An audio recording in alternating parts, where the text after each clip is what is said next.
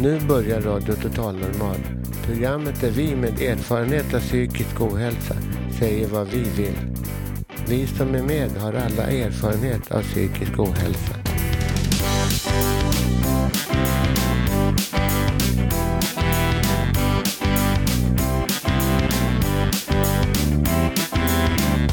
Du lyssnar på radio Total Normal. 101,1. Totalt normalt. Radio Total Normal, torsdagar från två till halv fyra. Vi livesänder med publik från Götgatan 38 i Stockholm. Kom hit och lyssna. Här är alla röster lika värda.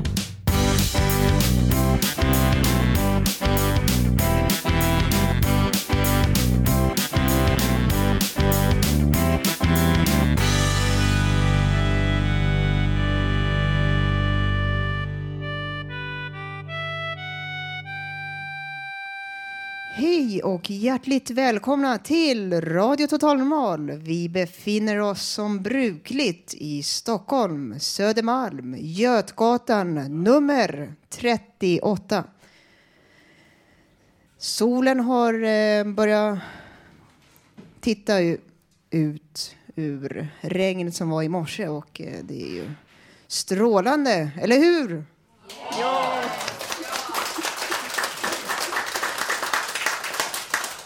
Eh, jag eh, har en stor publik framför mig idag och eh, jag välkomnar även Svea Sveja kunskapscenter som läser till undersköterskor vad jag förstår. Välkomna!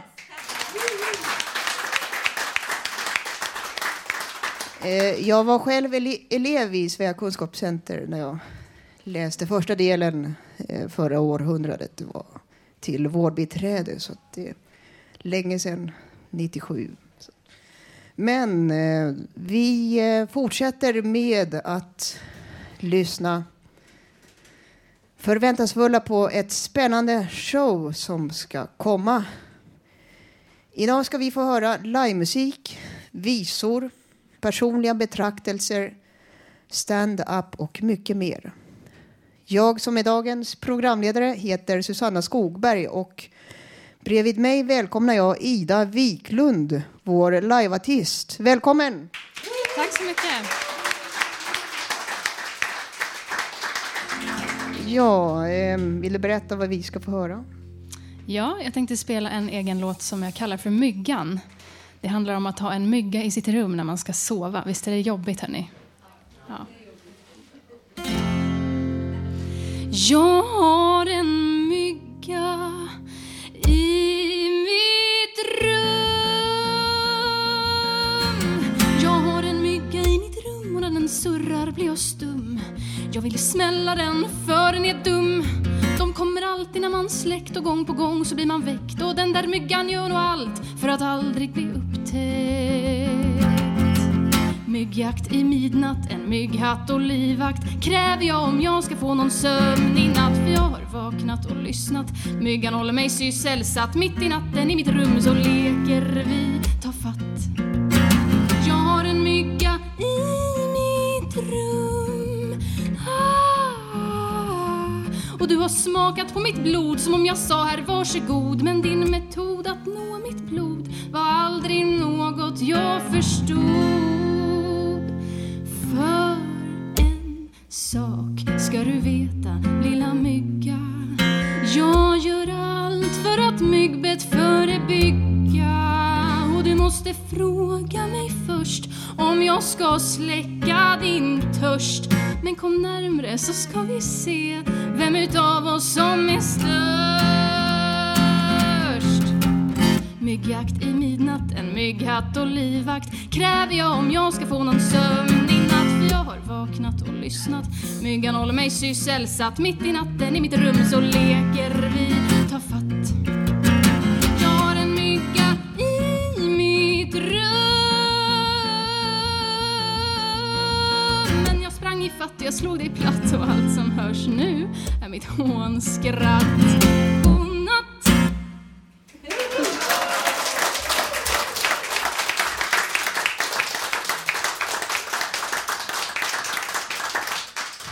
Tack så mycket.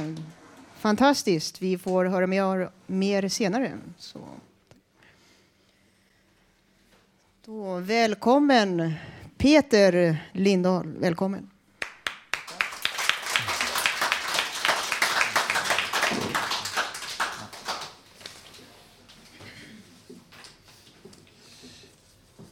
Ja, jag tänkte berätta lite om min 12 år yngre bror Niklas som var ansvarig för musikstycket, vilket ni snart ska få höra och som jag postumt döpt till See you in heaven.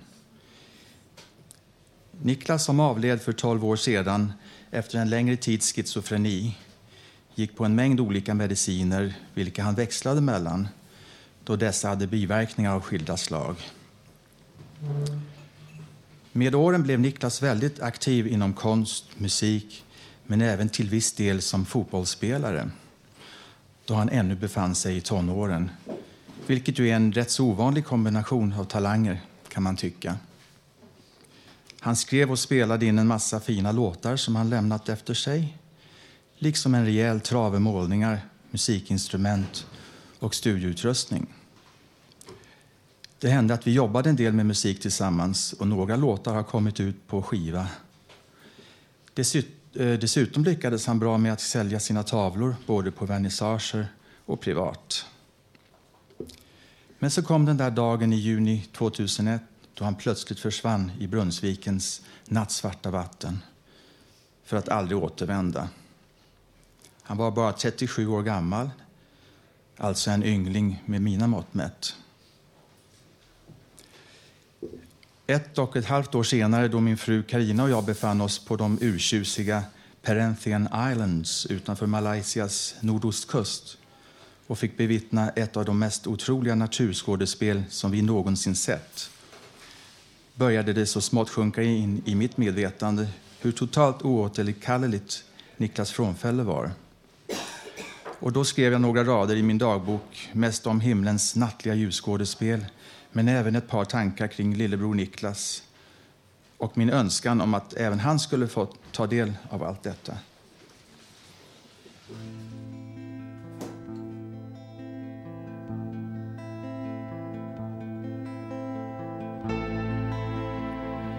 Det är intensiv åskaktivitet ikväll över den malaysiska kusten i sydväst.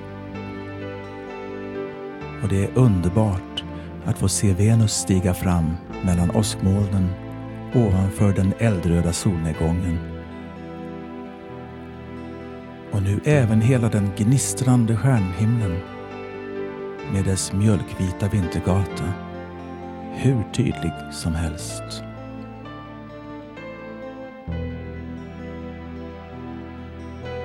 Inga stjärnbilder som jag känner igen, men vackert är det. Ingen måne, endast myriaders myriader av brinnande stjärnor. I utspända diadem av diamanter och ädelsten. Eller kanske mer som rymdens eget strössel över denna ljuvliga blåvita planet. Allt medan snabbt skrinnande stjärnfall duggar tätt över ekvatorn. Märkligt nog svarar åskmolnen på varandras blixtkanonader som en slags elektrisk konversation dem emellan. Som ett mystiskt djungelspråk. Att liknas vid kalligrafi i himmelsk neon. Fast samfällt hopkopplade på ett mirakulöst sätt. Och när det är som allra vackrast önskar jag inom mig att Niklas hade fått chansen att se alltsammans, även han. Dels för att få njuta, men också för att senare kunna avbilda ljusskådespelen i sina målningar. Men Niklas kanske vandrar just nu på Vintergatan eller samlar galaxer som snäckskal längs en kosmisk strand. eller så sitter han mitt i nirvana och målar av hela härligheten med glittrande stjärnstoft medan han laverar med universums skuggor och gör akvareller av nebulosor i regnbågens alla färger.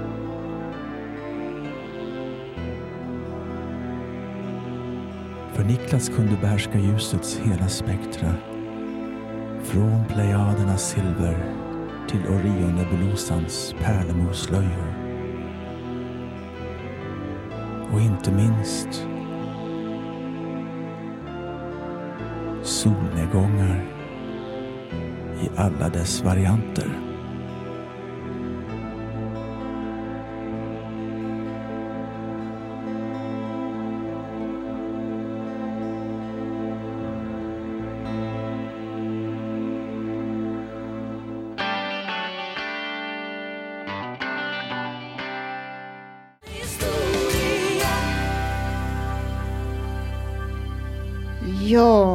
Välkomna tillbaka till Radio Totalnormal 101,1 över hela Stockholms län. Eh, välkommen Ida igen. Välkommen. Eh, jag tänkte höra, hur länge har du spelat och komponerat egen musik? Jag började spela gitarr när jag var 13 ungefär, så då började jag skriva. Men eh, sjungit har man gjort sedan man föddes i princip. Det lång tid tillbaka. Ja, det är 24 år sedan jag föddes. Eh, vad handlar dina låtar om? Och så? Alla låtar är i princip självupplevda av någon form. Det kan vara komik eller lite mer känslomässiga låtar. Jag försöker blanda lite så att det inte bara blir liksom lågmälda kärleksvisor utan lite om myggor och lite om glass och sådär.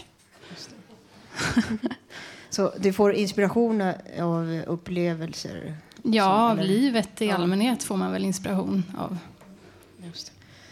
Ehm, du har eh, släppt en skiva tidigare som jag eh, håller i min hand här. Den heter Ida Wiklund översätter världen. Så här ser den ut. Och eh, den kostar 100 kronor om ni är intresserade av att köpa den. När eh, släpptes den här?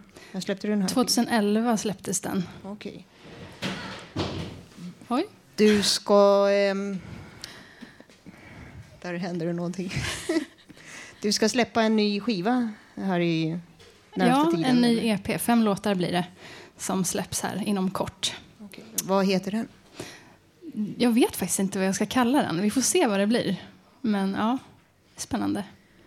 Spännande. Som sagt, eh, om ni är intresserade av att köpa den här eh, skivan som eh, Ida har gett ut tidigare så kan ni kontakta Radio Totalmal eller köpa den här. Framme då, 100 kronor. Och eh, hur kommer man i kontakt med dig om man eh, vill eh, Jag har en hemsida, idaviklund.se. Jag finns på Spotify, iTunes och på Facebook såklart.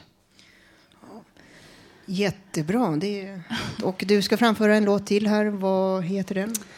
Ja, den här heter Någonting i mig och den är väl lite höstig. Sådär. Passar väl bra nu när vi går in i hösten tänkte jag. Just det. Ja, varsågod. Tack.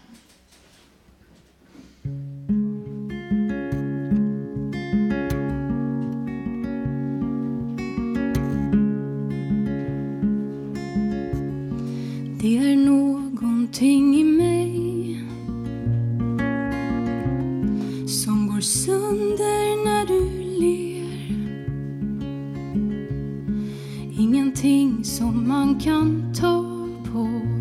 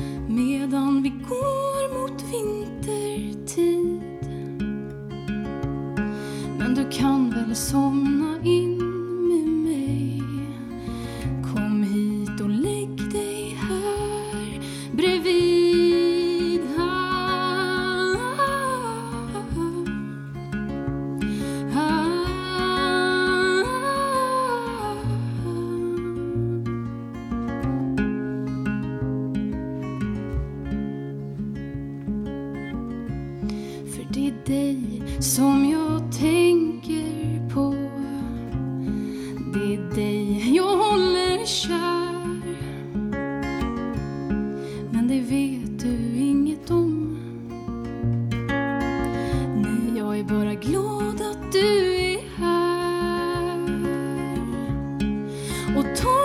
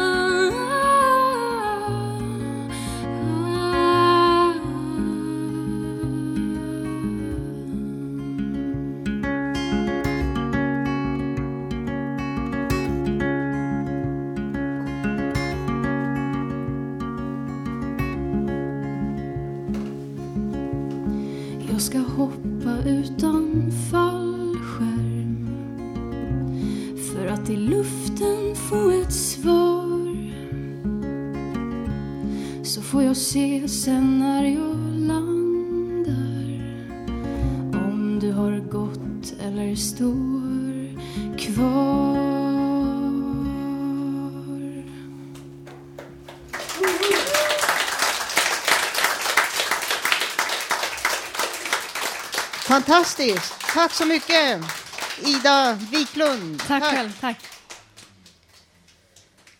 Då ska vi eh, få höra eh, om en dagsbetraktelse av Gabriel. Varsågoda.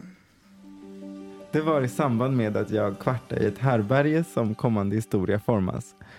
Jag, en kille vi kan kalla för Spiken, hade gjort en raid i ett ödehus. Vi hade hookat upp med en person som ägde en 740 i vitt och hade en dam vid sin sida. Tidigare så hade vi bytt vårt kap med en annan person vi kan kalla för Metallflickan och pengarna vi fick gick till öl, fika, kaffe, java och påtår. Helt plötsligt ville spiken hem. Så jag, eftersom kvällen var ganska ung, beslutade mig för att ta och känna om sätet var lika bra som det var den soliga eftermiddagen då dagen hade börjat. Satte mig i bilen. Vill minnas att jag kanske satt där i 29 timmar och den vita Volvon dundrade fram längs med vägarna i Stockholm fram och tillbaka. Minns också hur vi förfriskade oss på en camping och hur jag sov väldigt länge hos en vän på röda linjen när jag klev ur bilen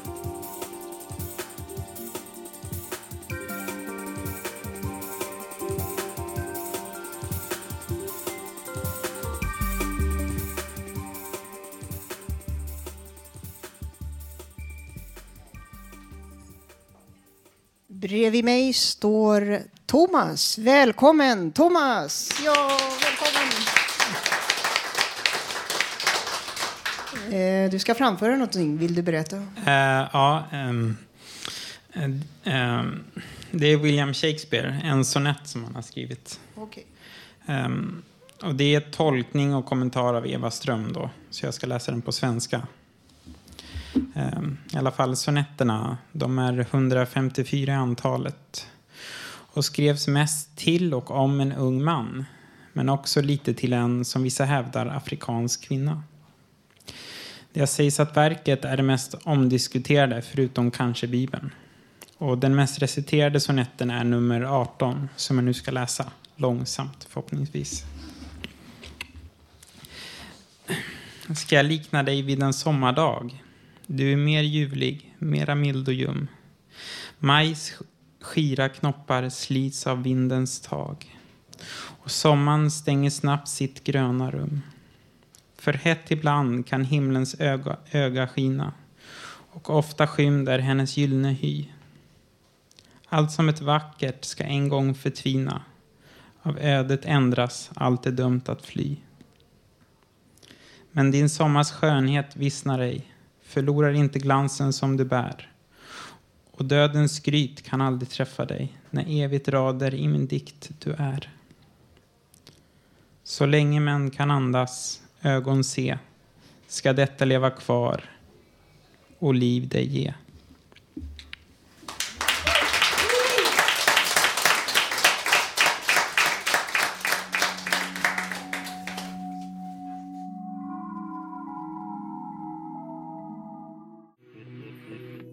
This is my religion.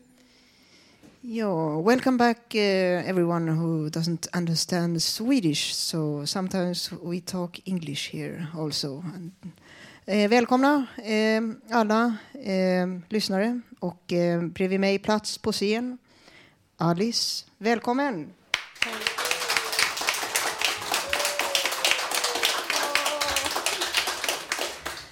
Du eh, ska framföra en eh, låt. Du Ja, berättar. det ska jag. Den handlar om eh, en alien. Och hur man tolkar låten, det får man, det får man tolka själv, helt enkelt.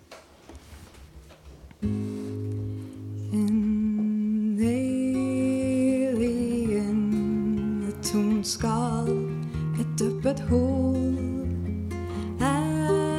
platser ditt hjärta, jag lämnar själv ett vittnesmål hugger långsamt ryggen i smyg.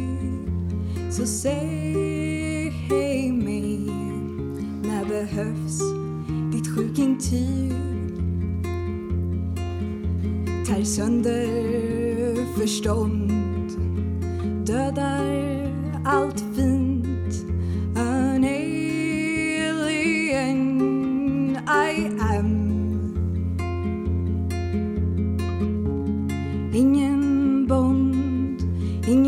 ingen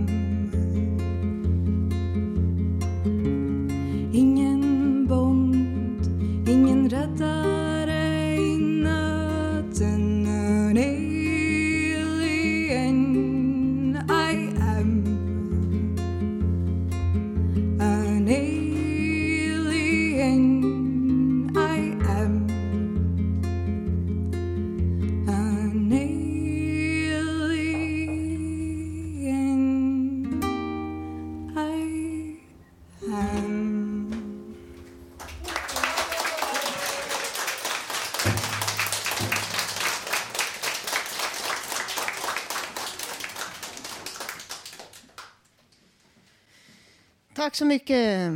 Och eh, välkommen Anki. Du eh, ska Tack så hemskt mycket. Oj, vad det ekar här. Välkommen Anki. Tack! Hej alla!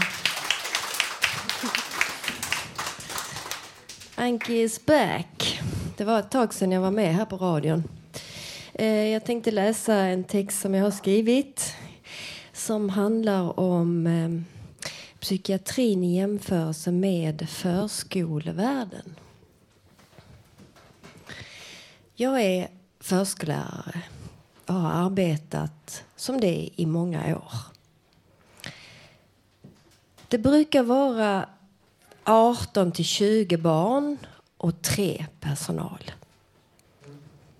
Varje dag är både förmiddag och eftermiddag planerad utifrån ett veckoschema av olika aktiviteter som ska främja barnens utveckling motoriskt, emotionellt, socialt, språkligt och så vidare. Och varje termin så gör vi pedagoger observationer på barnen. För att genom dessa observationer kunna se hur vi ska kunna hjälpa barnen framåt i sin utveckling på bästa sätt. Vi har personalmöten på kvällstid för att gå igenom dessa observationer och för att planera hur vi ska genomföra vårt uppdrag. Där en läroplan för förskolan ligger till grund till vad vi arbetar med. För vem och hur och varför vi gör det. En del i förskoleläroplanen handlar om demokrati och barnens medbestämmande rätt. Förutom svenska, matte, naturkunskap, musik, rörelser, rytmik och så vidare. Vi lär barnen om allas lika värde och rätt som människor. För att vi är ålagda att lära ut det och för att vi känner och tycker så har den värdegrunden. Därför låter vi barnen vara med och bestämma och lyssnar på barnen, deras tankar, känslor, åsikter. För att det är det samhälle vi vill ha. Ett demokratiskt samhälle där alla har en chans att bli lyssnade på. Men jag är inte bara förskollärare. Jag är psykpatient också. och har haft en unik möjlighet att kunna studera psykiatrin inifrån och göra observationer på hur personalen gör och fungerar där. Under en hel dag så skrev jag upp dessa observationer. Det blev sju A4-sidor av anteckningar över vilka i personalen som arbetade den dagen, hur många de var och vad de gjorde. Och resultatet, en del av det, var följande. Mellan halv åtta och fyra arbetade där 22 personer. Mellan halv ett och halv nio tillkom kvällspersonalen så att eh, mellan halv ett och, halv, och mellan halv ett och fyra var över 30 personal där. Sammanlagt är det 70 personal anställda för att arbeta där dag, kväll och natt för att ta hand om 30 patienter som det finns platser till. Men klockan kvart i två är det fikapaus och matsalen fylls av den här dagen 25 personal och 10 patienter. För patienterna har permissioner hem ofta eller ligger drogade och sover på sina rum. Och fikapausen den varade i tre kvart för 15 i personalen i en hel timme. Där de satt och pratade med varandra och hade god social kontakt. Med varandra. Men inte med patienterna. Under hela denna observationsdag där jag skriftligen skrev ner det jag såg så har jag bara vid två tillfällen skrivit och sett att personalen samtalar med någon patient. Det ena samtalet rörde sig om att en personal tagit emot ett telefonsamtal där någon hade bett att få prata med patienten. Men personalen kom inte ihåg vad denne hette som hade ringt. Någon har ringt och sökt dig, men jag minns inte vad han hette, sa han till patienten som stod där frågande i korridoren där detta samtal fördes. Många i personalen syntes inte till under stora delar av dagen. De har var sin halvtimmes rast, förutom fikapauserna då. Men jag talar om timmar där en del i personalen inte ens syntes till. Var var de?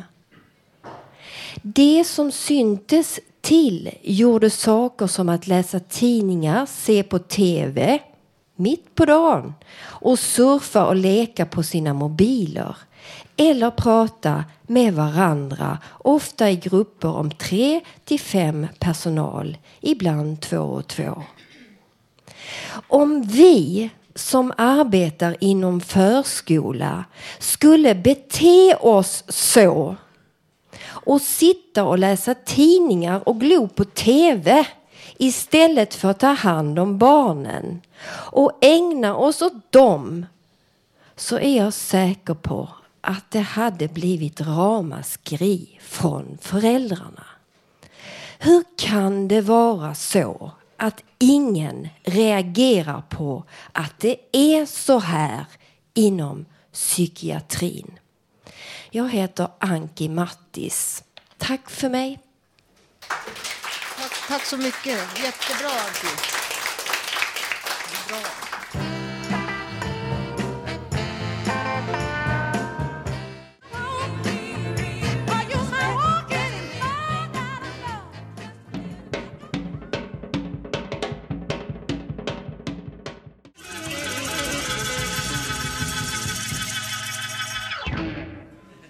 Ja, välkomna tillbaka. Plats på scen bredvid mig, Hasse Kvinto. Välkommen! Tack så mycket. Ja, jag ska spela en egen visa som heter Höstens lycka. Jag har skrivit text och musik själv och eh, det är en hyllning till min kära söta Marika, min fru som jag har sammanlevt med i över 20 år. Mm.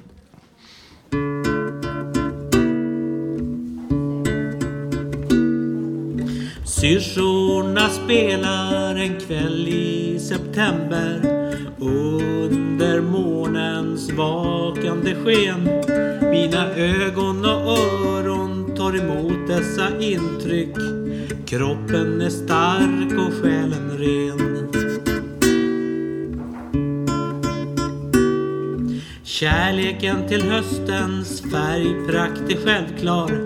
Löven är gult, rött och grönt. Den tidiga hösten andas spritt sommarens värme. Och vi är kära, det är skönt.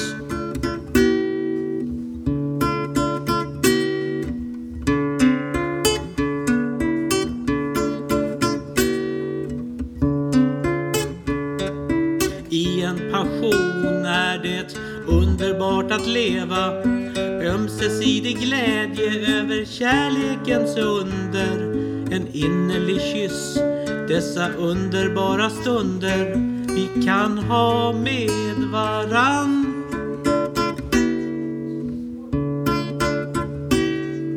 Ljuset i gatlampors vänliga sken och fullmånens ljus är vackert att se.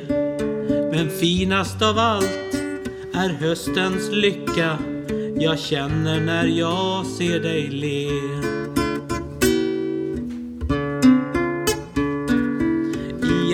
Passion är det underbart att leva? Ömsesidig glädje över kärlekens under. En innerlig kyss dessa underbara stunder. Vi kan ha med varann.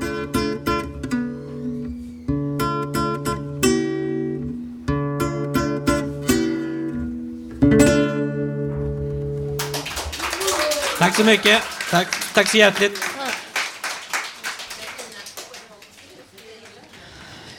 Nu, hallå hallå, mina vänner och lyssnare.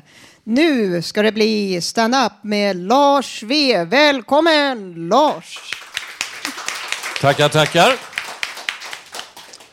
Ja, stand-up, någon slags stand-up-kåseri, lite betraktelser av en tunnelbaneresa. Brukar ni åka tunnelbana? Ja, jag förväntade mig det svaret. Eh, vi har mycket gäster här. Var kommer ni ifrån? Vad trevligt.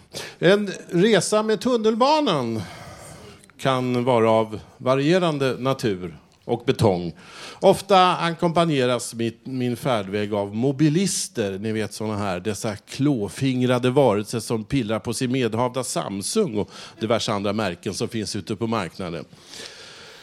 En gång så kunde jag bara urskilja en enda person i vagnen som inte höll på med sin mobiltelefon. Detta i form av en spegelbetraktelse genom rutan där jag såg mig själv i all sin glans. Det var alltså jag som inte höll på med mobilen. Men en något annorlunda upplevelse fick jag mig till livs häromdagen. En förskoleklass klev in i vagnen. Och detta kan ju betyda fara och färde. Barn är vanligtvis snäppet bättre än fotbollshuliganer och utbrister sällan i orden ”Hata Göteborg!” Men det kan bli ganska bullerframkallande understundom med en eh, förskoleklass i sina gula västar som kliver ombord på tunnelbanetåg. Men dessa barn var ovanligt eh, lugna och eh, skötsamma. Några satt som tända ljus mellan Näckrosen och Solna centrum. Bara en sån sak. Allting frid och fröjd, även om det kan vara farligt att sitta som tända ljus med tanke på brandrisken i vagnen. Intressant också att ta del av barnens konversation med varandra och deras skolfröknar, i synnerhet då på sträckan mellan Västra skogen och Fridhemsplan. Fascinerande också att höra vad dagens sexåringar heter. På min tid så hette man Inger och Mats och Karin och Ola. En i min skolklass hette Lars. Undrar var han tog vägen. Ja, han står ju här. Tillbaka till nutiden. En grabb i tunnelbanevagnen hette Tage. Har du hört en sexåring som heter Tage? Detta gamla namn nu som har blivit populärt igen. Undrar om, jag satt och tänkte på undrar om han hade en lillebror som hette Hasse. Det skulle vara riktigt roligt. Tänk att, tänk och ropa på Hasse och Tage, kom in och ät nu. Sitt ordentligt vid matbordet, ha inte glaset i örat. Ja, Hasse och Tage. Tänk att ringa deras skola då, till exempel. Ja, ja hej, eh, Hasse och Tage. Kan inte komma till eh, skolan idag för de har fått eh, gula hund. Eller gröna hund. Ja, det var förra gången det. Det har passerat revy nu. Det kan ju också vara så att Tages pappa var en, är en riktig sån här gråsosse. Då skulle han kunna döpa sina ungar till Tage, Olof, Ingvar, Göran, Mona och lilla Juholt. Ni vet han som kom till av ren oförsiktighet. Och så var det en flicka i vagnen som hette Elvira. Det var mellan Rådhuset och T-centralen för övrigt. Ja, hon heter förmodligen så både före och efter de stationerna också. Min mormor hette Elvira. Och min mamma förärades också detta namn, även om hon fick tilltalsnamnet Greta, som tur är. Inte Ture, utan som tur är alltså. Nåväl, min mamma Greta, hon var väldigt stolt över det namnet, men var mindre stolt över att heta Elvira. Och det ligger någonting i det, för eh, tänk er själva. Elvira Garbo. Nej, det hade nog inte blivit någon succé i Hollywood.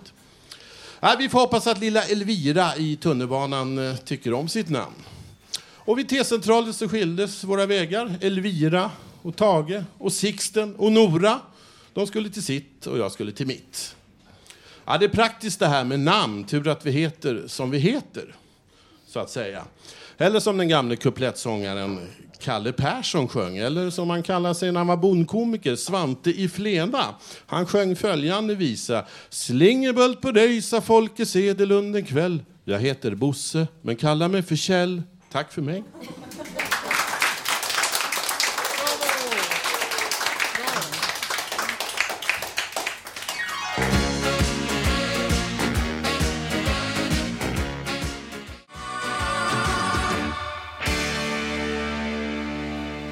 Ja, välkomna tillbaka till Vilken är Sveriges bästa närradiostation? Total normal. Ja. Ehm, bredvid mig står Alex. Välkommen. Så mycket. Eh, du ska berätta, informera lite om nyttig information för sjukskrivna. Precis, det stämmer bra det. För att orka vara sjuk så måste man vara väldigt frisk, var det en gång en klok människa som sa. Jag kan bara hålla med och så göra tillägget att om man ska klara sig på sin sjukersättning så är det en fördel att vara om sig och kring sig. Jag vill berätta för er att det finns något som heter intyg för förmånstagare. Det är ett intyg som berättigar till olika rabatter. Bland annat så kan man åka med SL till reducerat pris. Till exempel då istället för att betala 800 spänn i månaden för ett månadskort så behöver man bara betala 500 om man har det här då. De som har rätt till den här förmånen är personer som uppbär aktivitetsersättning, sjukersättning och eller handikappersättning. För att det ska vara så svårt som möjligt så finns blanketten inte på Försäkringskassans hemsida. Men eh, om man ringer till dem och eh, ber om att få blanketten, som alltså heter intyg för förmånstagare, så skickar de hem den till dig. Sen när man har fått hem det här pappret och undertecknat det så rekommenderar jag att man viker ihop och plastar in det så att det blir som ett kort. Så här ser mitt ut. Ja. Ehm, då är det jätteviktigt att det här kortet alltid följer med så att man kan bevisa att man verkligen är en förmånstagare. SLs biljettkontrollanter är ju inte direkt kända för att vara trevliga så håll hårt i kortet och förvara det i plånboken. Ja, hur fick jag då veta om att det här överhuvudtaget fanns? Var det någon i psykvården eller på Försäkringskassan som berättade det här? Nej. Jag råkade se det här på Facebook. Tänk vilken tur. Mm.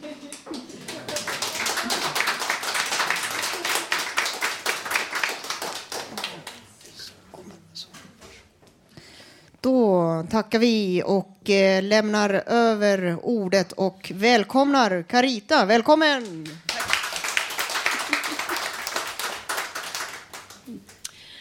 Eh, jag tänkte jag skulle sjunga en höstvisan utan att gråta. Oj.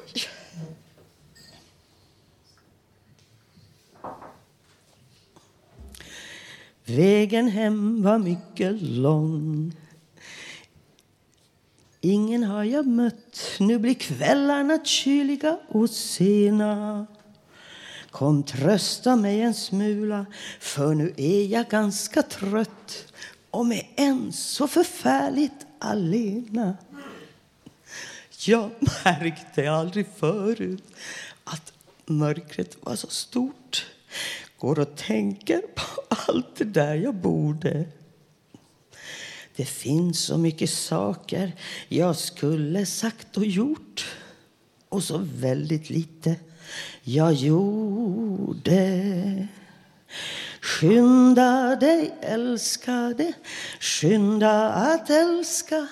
Dagarna mörkna minut för minut. Tänd våra ljus, det är nära till natten. Snart är den blommande sommaren slut. Jag letar efter någonting som vi kanske glömde bort och som du kunde hjälpa mig att finna. En sommar går förbi, den är alltid lika kort. Och den är drömmen om det jag kunnat vinna. Du kommer kanske någon gång för skymningen blir blå innan ängarna är torra och tomma. Kanske hittar vi varann, kanske hittar vi då på något sätt att få allting att blomma. Skynda dig, älskade, skynda att älska. Dagarna mörkna minut för minut. Tänd våra ljus, det är nära till natten. Snart är den blommande sommaren slut. Nu blåser storm där ute och stänger sommarns dörr. Det är för sent för att undra och leta. Jag älskar kanske mindre än vad jag gjorde förr men mer än du någonsin får veta.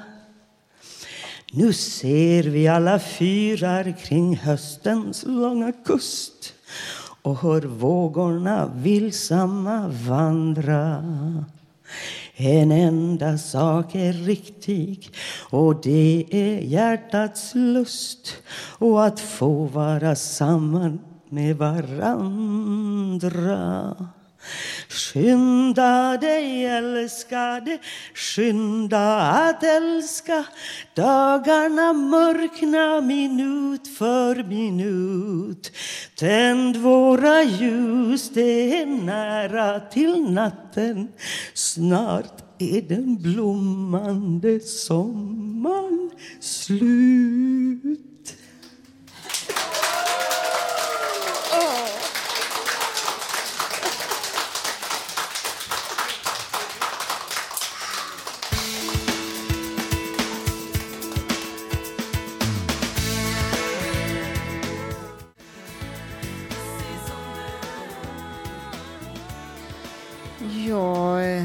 Kära publik och lyssnare. Nu ska vi få höra en debatt om eh, kollektivboende framförts av mig på scen. Robert Naverstam. Välkommen, Robert! Tack, tack. Det är bra. Ja, det var om kollektivt boende, något som borde vara på tapeten om man så säger. Att man borde tänka på att det finns lite andra möjligheter för folk som oss. Visst, vad säger man om ensamhet? Vad säger man om elakhet? Vad säger man om utsatthet? Vad finns att göra för folk som oss? För det svagaste i samhället? När jag har haft mindre medicin ett par dagar så märker jag att jag blir lite mer med om man så säger. Jag tycker jag hör mer vad folk säger och annat. Detta är vad jag märker. Vem kan ha intresse av att vi inte är med? Inte är väl samhället så hemskt att vi måste droga våra svagaste till en lätthanterlig läggning? Vem kan ha intresse av att vi mår dåligt? Men en sak som man nog kunde göra vore att fixa lite mer kollektivt boende för folk som oss. Går det inte att få Muhammed att komma till berget så får berget komma till Muhammed. Eller med andra ord, man borde kunna få oss att bo mer kollektivt med andra psykfall i lägenheter där vi sköter oss mer själva än, än i sjukhusmiljöer. Med en mindre personal av, äh, än vad det har nu i liknande kollektiva boenden så borde det ändå, kanske ändå gå. Så att vi kan få bo ute bland folk och annat. Andra som kanske mår sämre än vad kunnat tidigare. Att vi kan städa själva exempelvis. Eller med lite hjälp till just detta. Och sedan finns ju också Fountain House redan. Och det är en verksamhet som kunde styra upp mycket i hela världen. Den är redan här bland oss i, i många länder. Den, Fountain House gör rådgivande i FN i psykfrågor också så vitt jag förstår. Sedan går det inte för oss. Sedan går det inte, det är inte för oss att vi inte kan göra allt som alla normala människor kan i de flesta fall. Det förstår nog ni med. Ju mer mediciner som påverkar oss, som några andra kan, kan det vara bra, desto mer nödvändigt blir det med en annan angreppspunkt. Här är vi så hjälplösa att det inte, att det inte fungerar för oss utan, utan tabletter. Då borde man kanske hitta en annan angreppspunkt. Kan det inte göra helt normala medborgare av oss med tabletter, vad ska man då göra? Man kan försöka konstruera nätverksboenden för oss så att vi kan må lite bättre än om vi bodde ute i samhället och i egna lägenheter helt ensam som vi gör nu i många fall, var och en i sin egen holk. Man kan inte göra oss till arbetande människor bara så enkelt som man nog borde kunna vilja. Man kan inte göra hippa och innemänniskor av oss alla. Och i många fall så mår vi sämre än dem. De är friskare än oss, tror jag nog i många fall. Men man kan strukturera upp tillvaron och de, de, de, vardagliga rutinerna med städning på ordnade tider exempelvis. Så att man kan laga mat och äta gemensamt och få en samvaro, samvaro som inte kan, skulle finnas om man satt alla hemma i sina egna holkar och bara och, och, och ropa på hjälp i, i sin själ. Varför gör folk inte så? Det är svårt med förändringar kanske. Det tar tid att förstå att nya grepp skulle hjälpa. Efter en sjukdomsperiod i ungdomen då man mår dåligt eller efter den första tidens rehabilitering kan man nog i många fall få folk att må bättre. Dessutom har ju folk släkt. Folk har andra som det betyder saker för. Det är andra som betyder speciella saker för folk, även för psykfall. Även om det inte är precis som alla andra så har det ju släktingar. Mycket av den dagliga oron för någon bror eller någon syster eller någon kusin skulle bli mindre om man visste att de hade det bättre än de hade det tidigare med lite mer folk omkring sig. Förstår ni vad jag menar? Ni tar inte våra drömmar ifrån oss om man har ett gemensamt boende för oss. Ni tar inte våra drömmar ifrån oss om vi har mindre mediciner. Ni tar inte våra drömmar ifrån oss om vi får en bättre chans. Det är svårt med förändringar. Annars blir det som det är nu. Mer kaos idag, i dagen för dårarna och alla andra och mindre vettig samvaro med andra som oss själva om det är som det är nu. Annars är ju Fountain House en verksamhet som kan styra ordningen. Även om det faktiskt är en amerikansk organisation så är det faktiskt det bästa som finns. Tack för mig.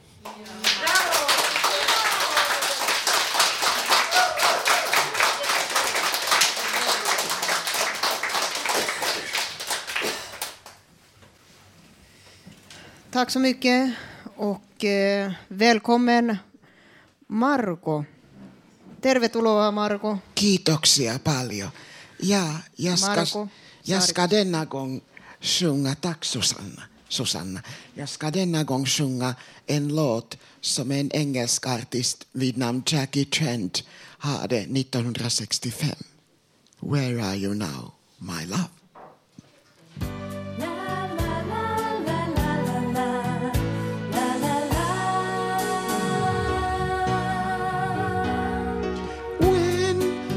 Shadows of evening gently fall, the memory of you I soon recall. We walked in the rain,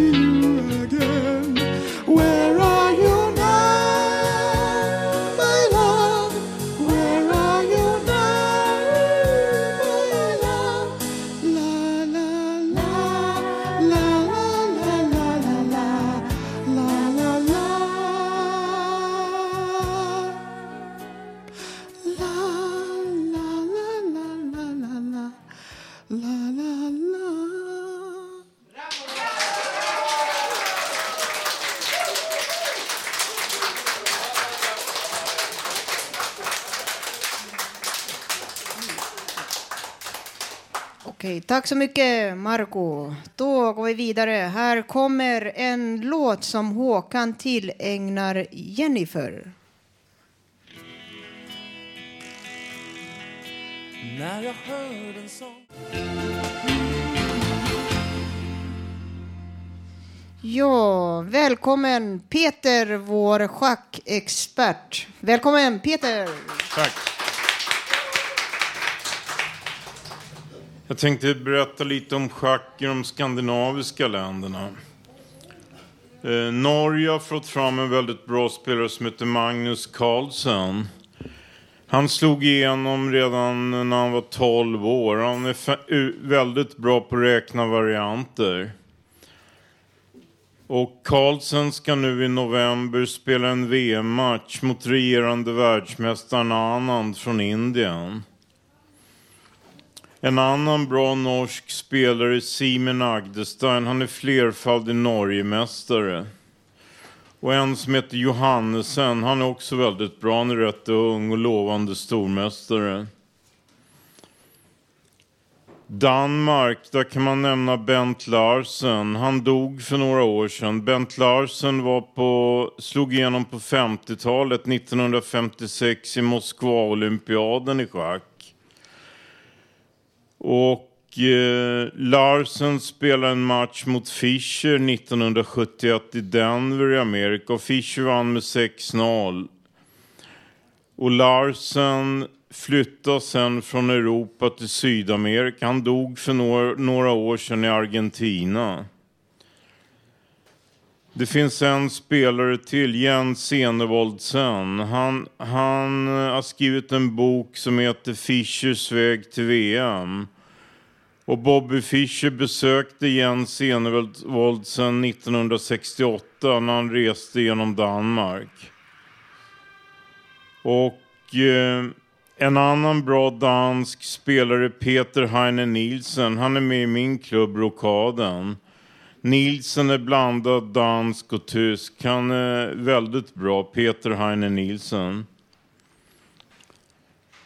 Finska spelare kan man nämna. En som var, var bra på 40-50-talet, Eero Böök.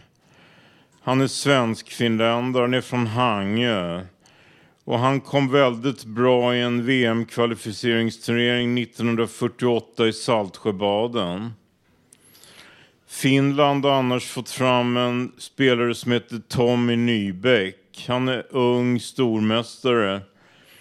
Och han besegrar Gligoric i ett väldigt fint parti i, i, i Rilton Cup i Stockholm för några år sedan. En annan bra finsk spelare är Heikki Västerinen. Han är utbildad matematiker. Han är rätt gammal nu, men han, han eh, uh, kommer bra i europeiska starkt besatta turneringar på 60-70-talet.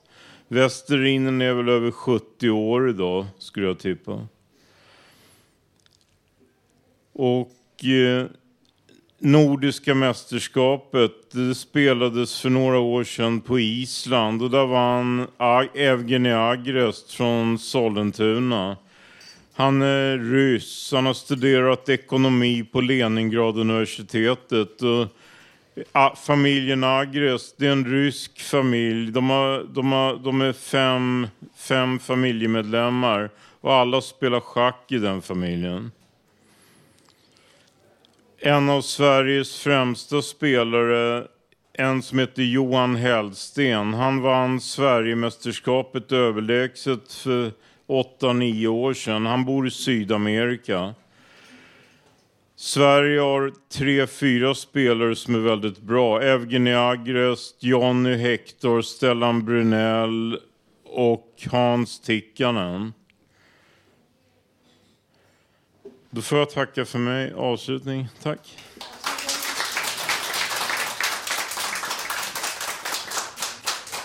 Eh, vi eh, har eh, kommit fram till slutet av dagens sändning. Jag har några slutord att dela med mig.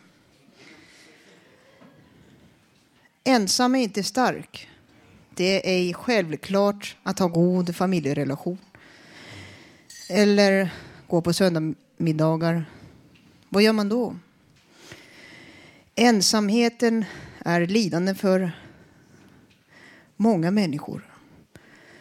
Att inte ha så många vänner eller eh, bra kontakt med familjen. Då kan man eh, gå med i olika organisationer. Fountain House till exempel eller också kyrkan har olika verksamheter även i kris. om man eh, kollar utifrån det som finns i statliga psykiatrin, så att säga. Eh, men det är också bra att kunna ha sinnesro i ensamheten. Att man inte lider i ensamhet. Det finns människor som eh, inte kan vara ensamma, ut, alltid måste ha liksom människor omkring sig. Så det är också en balans. Men eh, man kan eh, söka nya vänner och ha dem som systrar och bröder. Om man saknar riktigt starka familjeband. Så att, eh, eh det är någonting som jag tänker på, som jag själv relaterar också mycket till. Eh, vi har idag fått höra livemusik, poesi och en massa personliga intressanta texter. Nästa torsdag kan du höra oss igen då vi sänder som vanligt med publik här från Fountain House på Götgatan 38 i Stockholm. Fram till dess kan du lyssna på oss på webben www.radiototalnormal.se. Där eh, kan du också skriva i gästboken, komma med förslag och gå in på vår Facebook-sida och titta på bilder. Det går även att lyssna på eh, Radio Total Normal eh, lokal tid live i utrikesländer via internet. Man går in på internet om man är utomlands. Eh, lokal tid i utrikesländer live. Så det finns olika möjligheter. Tekniker Nanny Johansson, en applåd. Eh, producent Emma Lundemark. En applåd. Och eh, ansvarig utgivare Bodil Lundmark. Eh, det som har valt musik idag är Håkan Eriksson och Stefan Persson. Och eh, slutligen så får jag tacka så mycket för mig. Och eh, jag heter Susanna Skogberg som har varit eran host, programledare. Tack!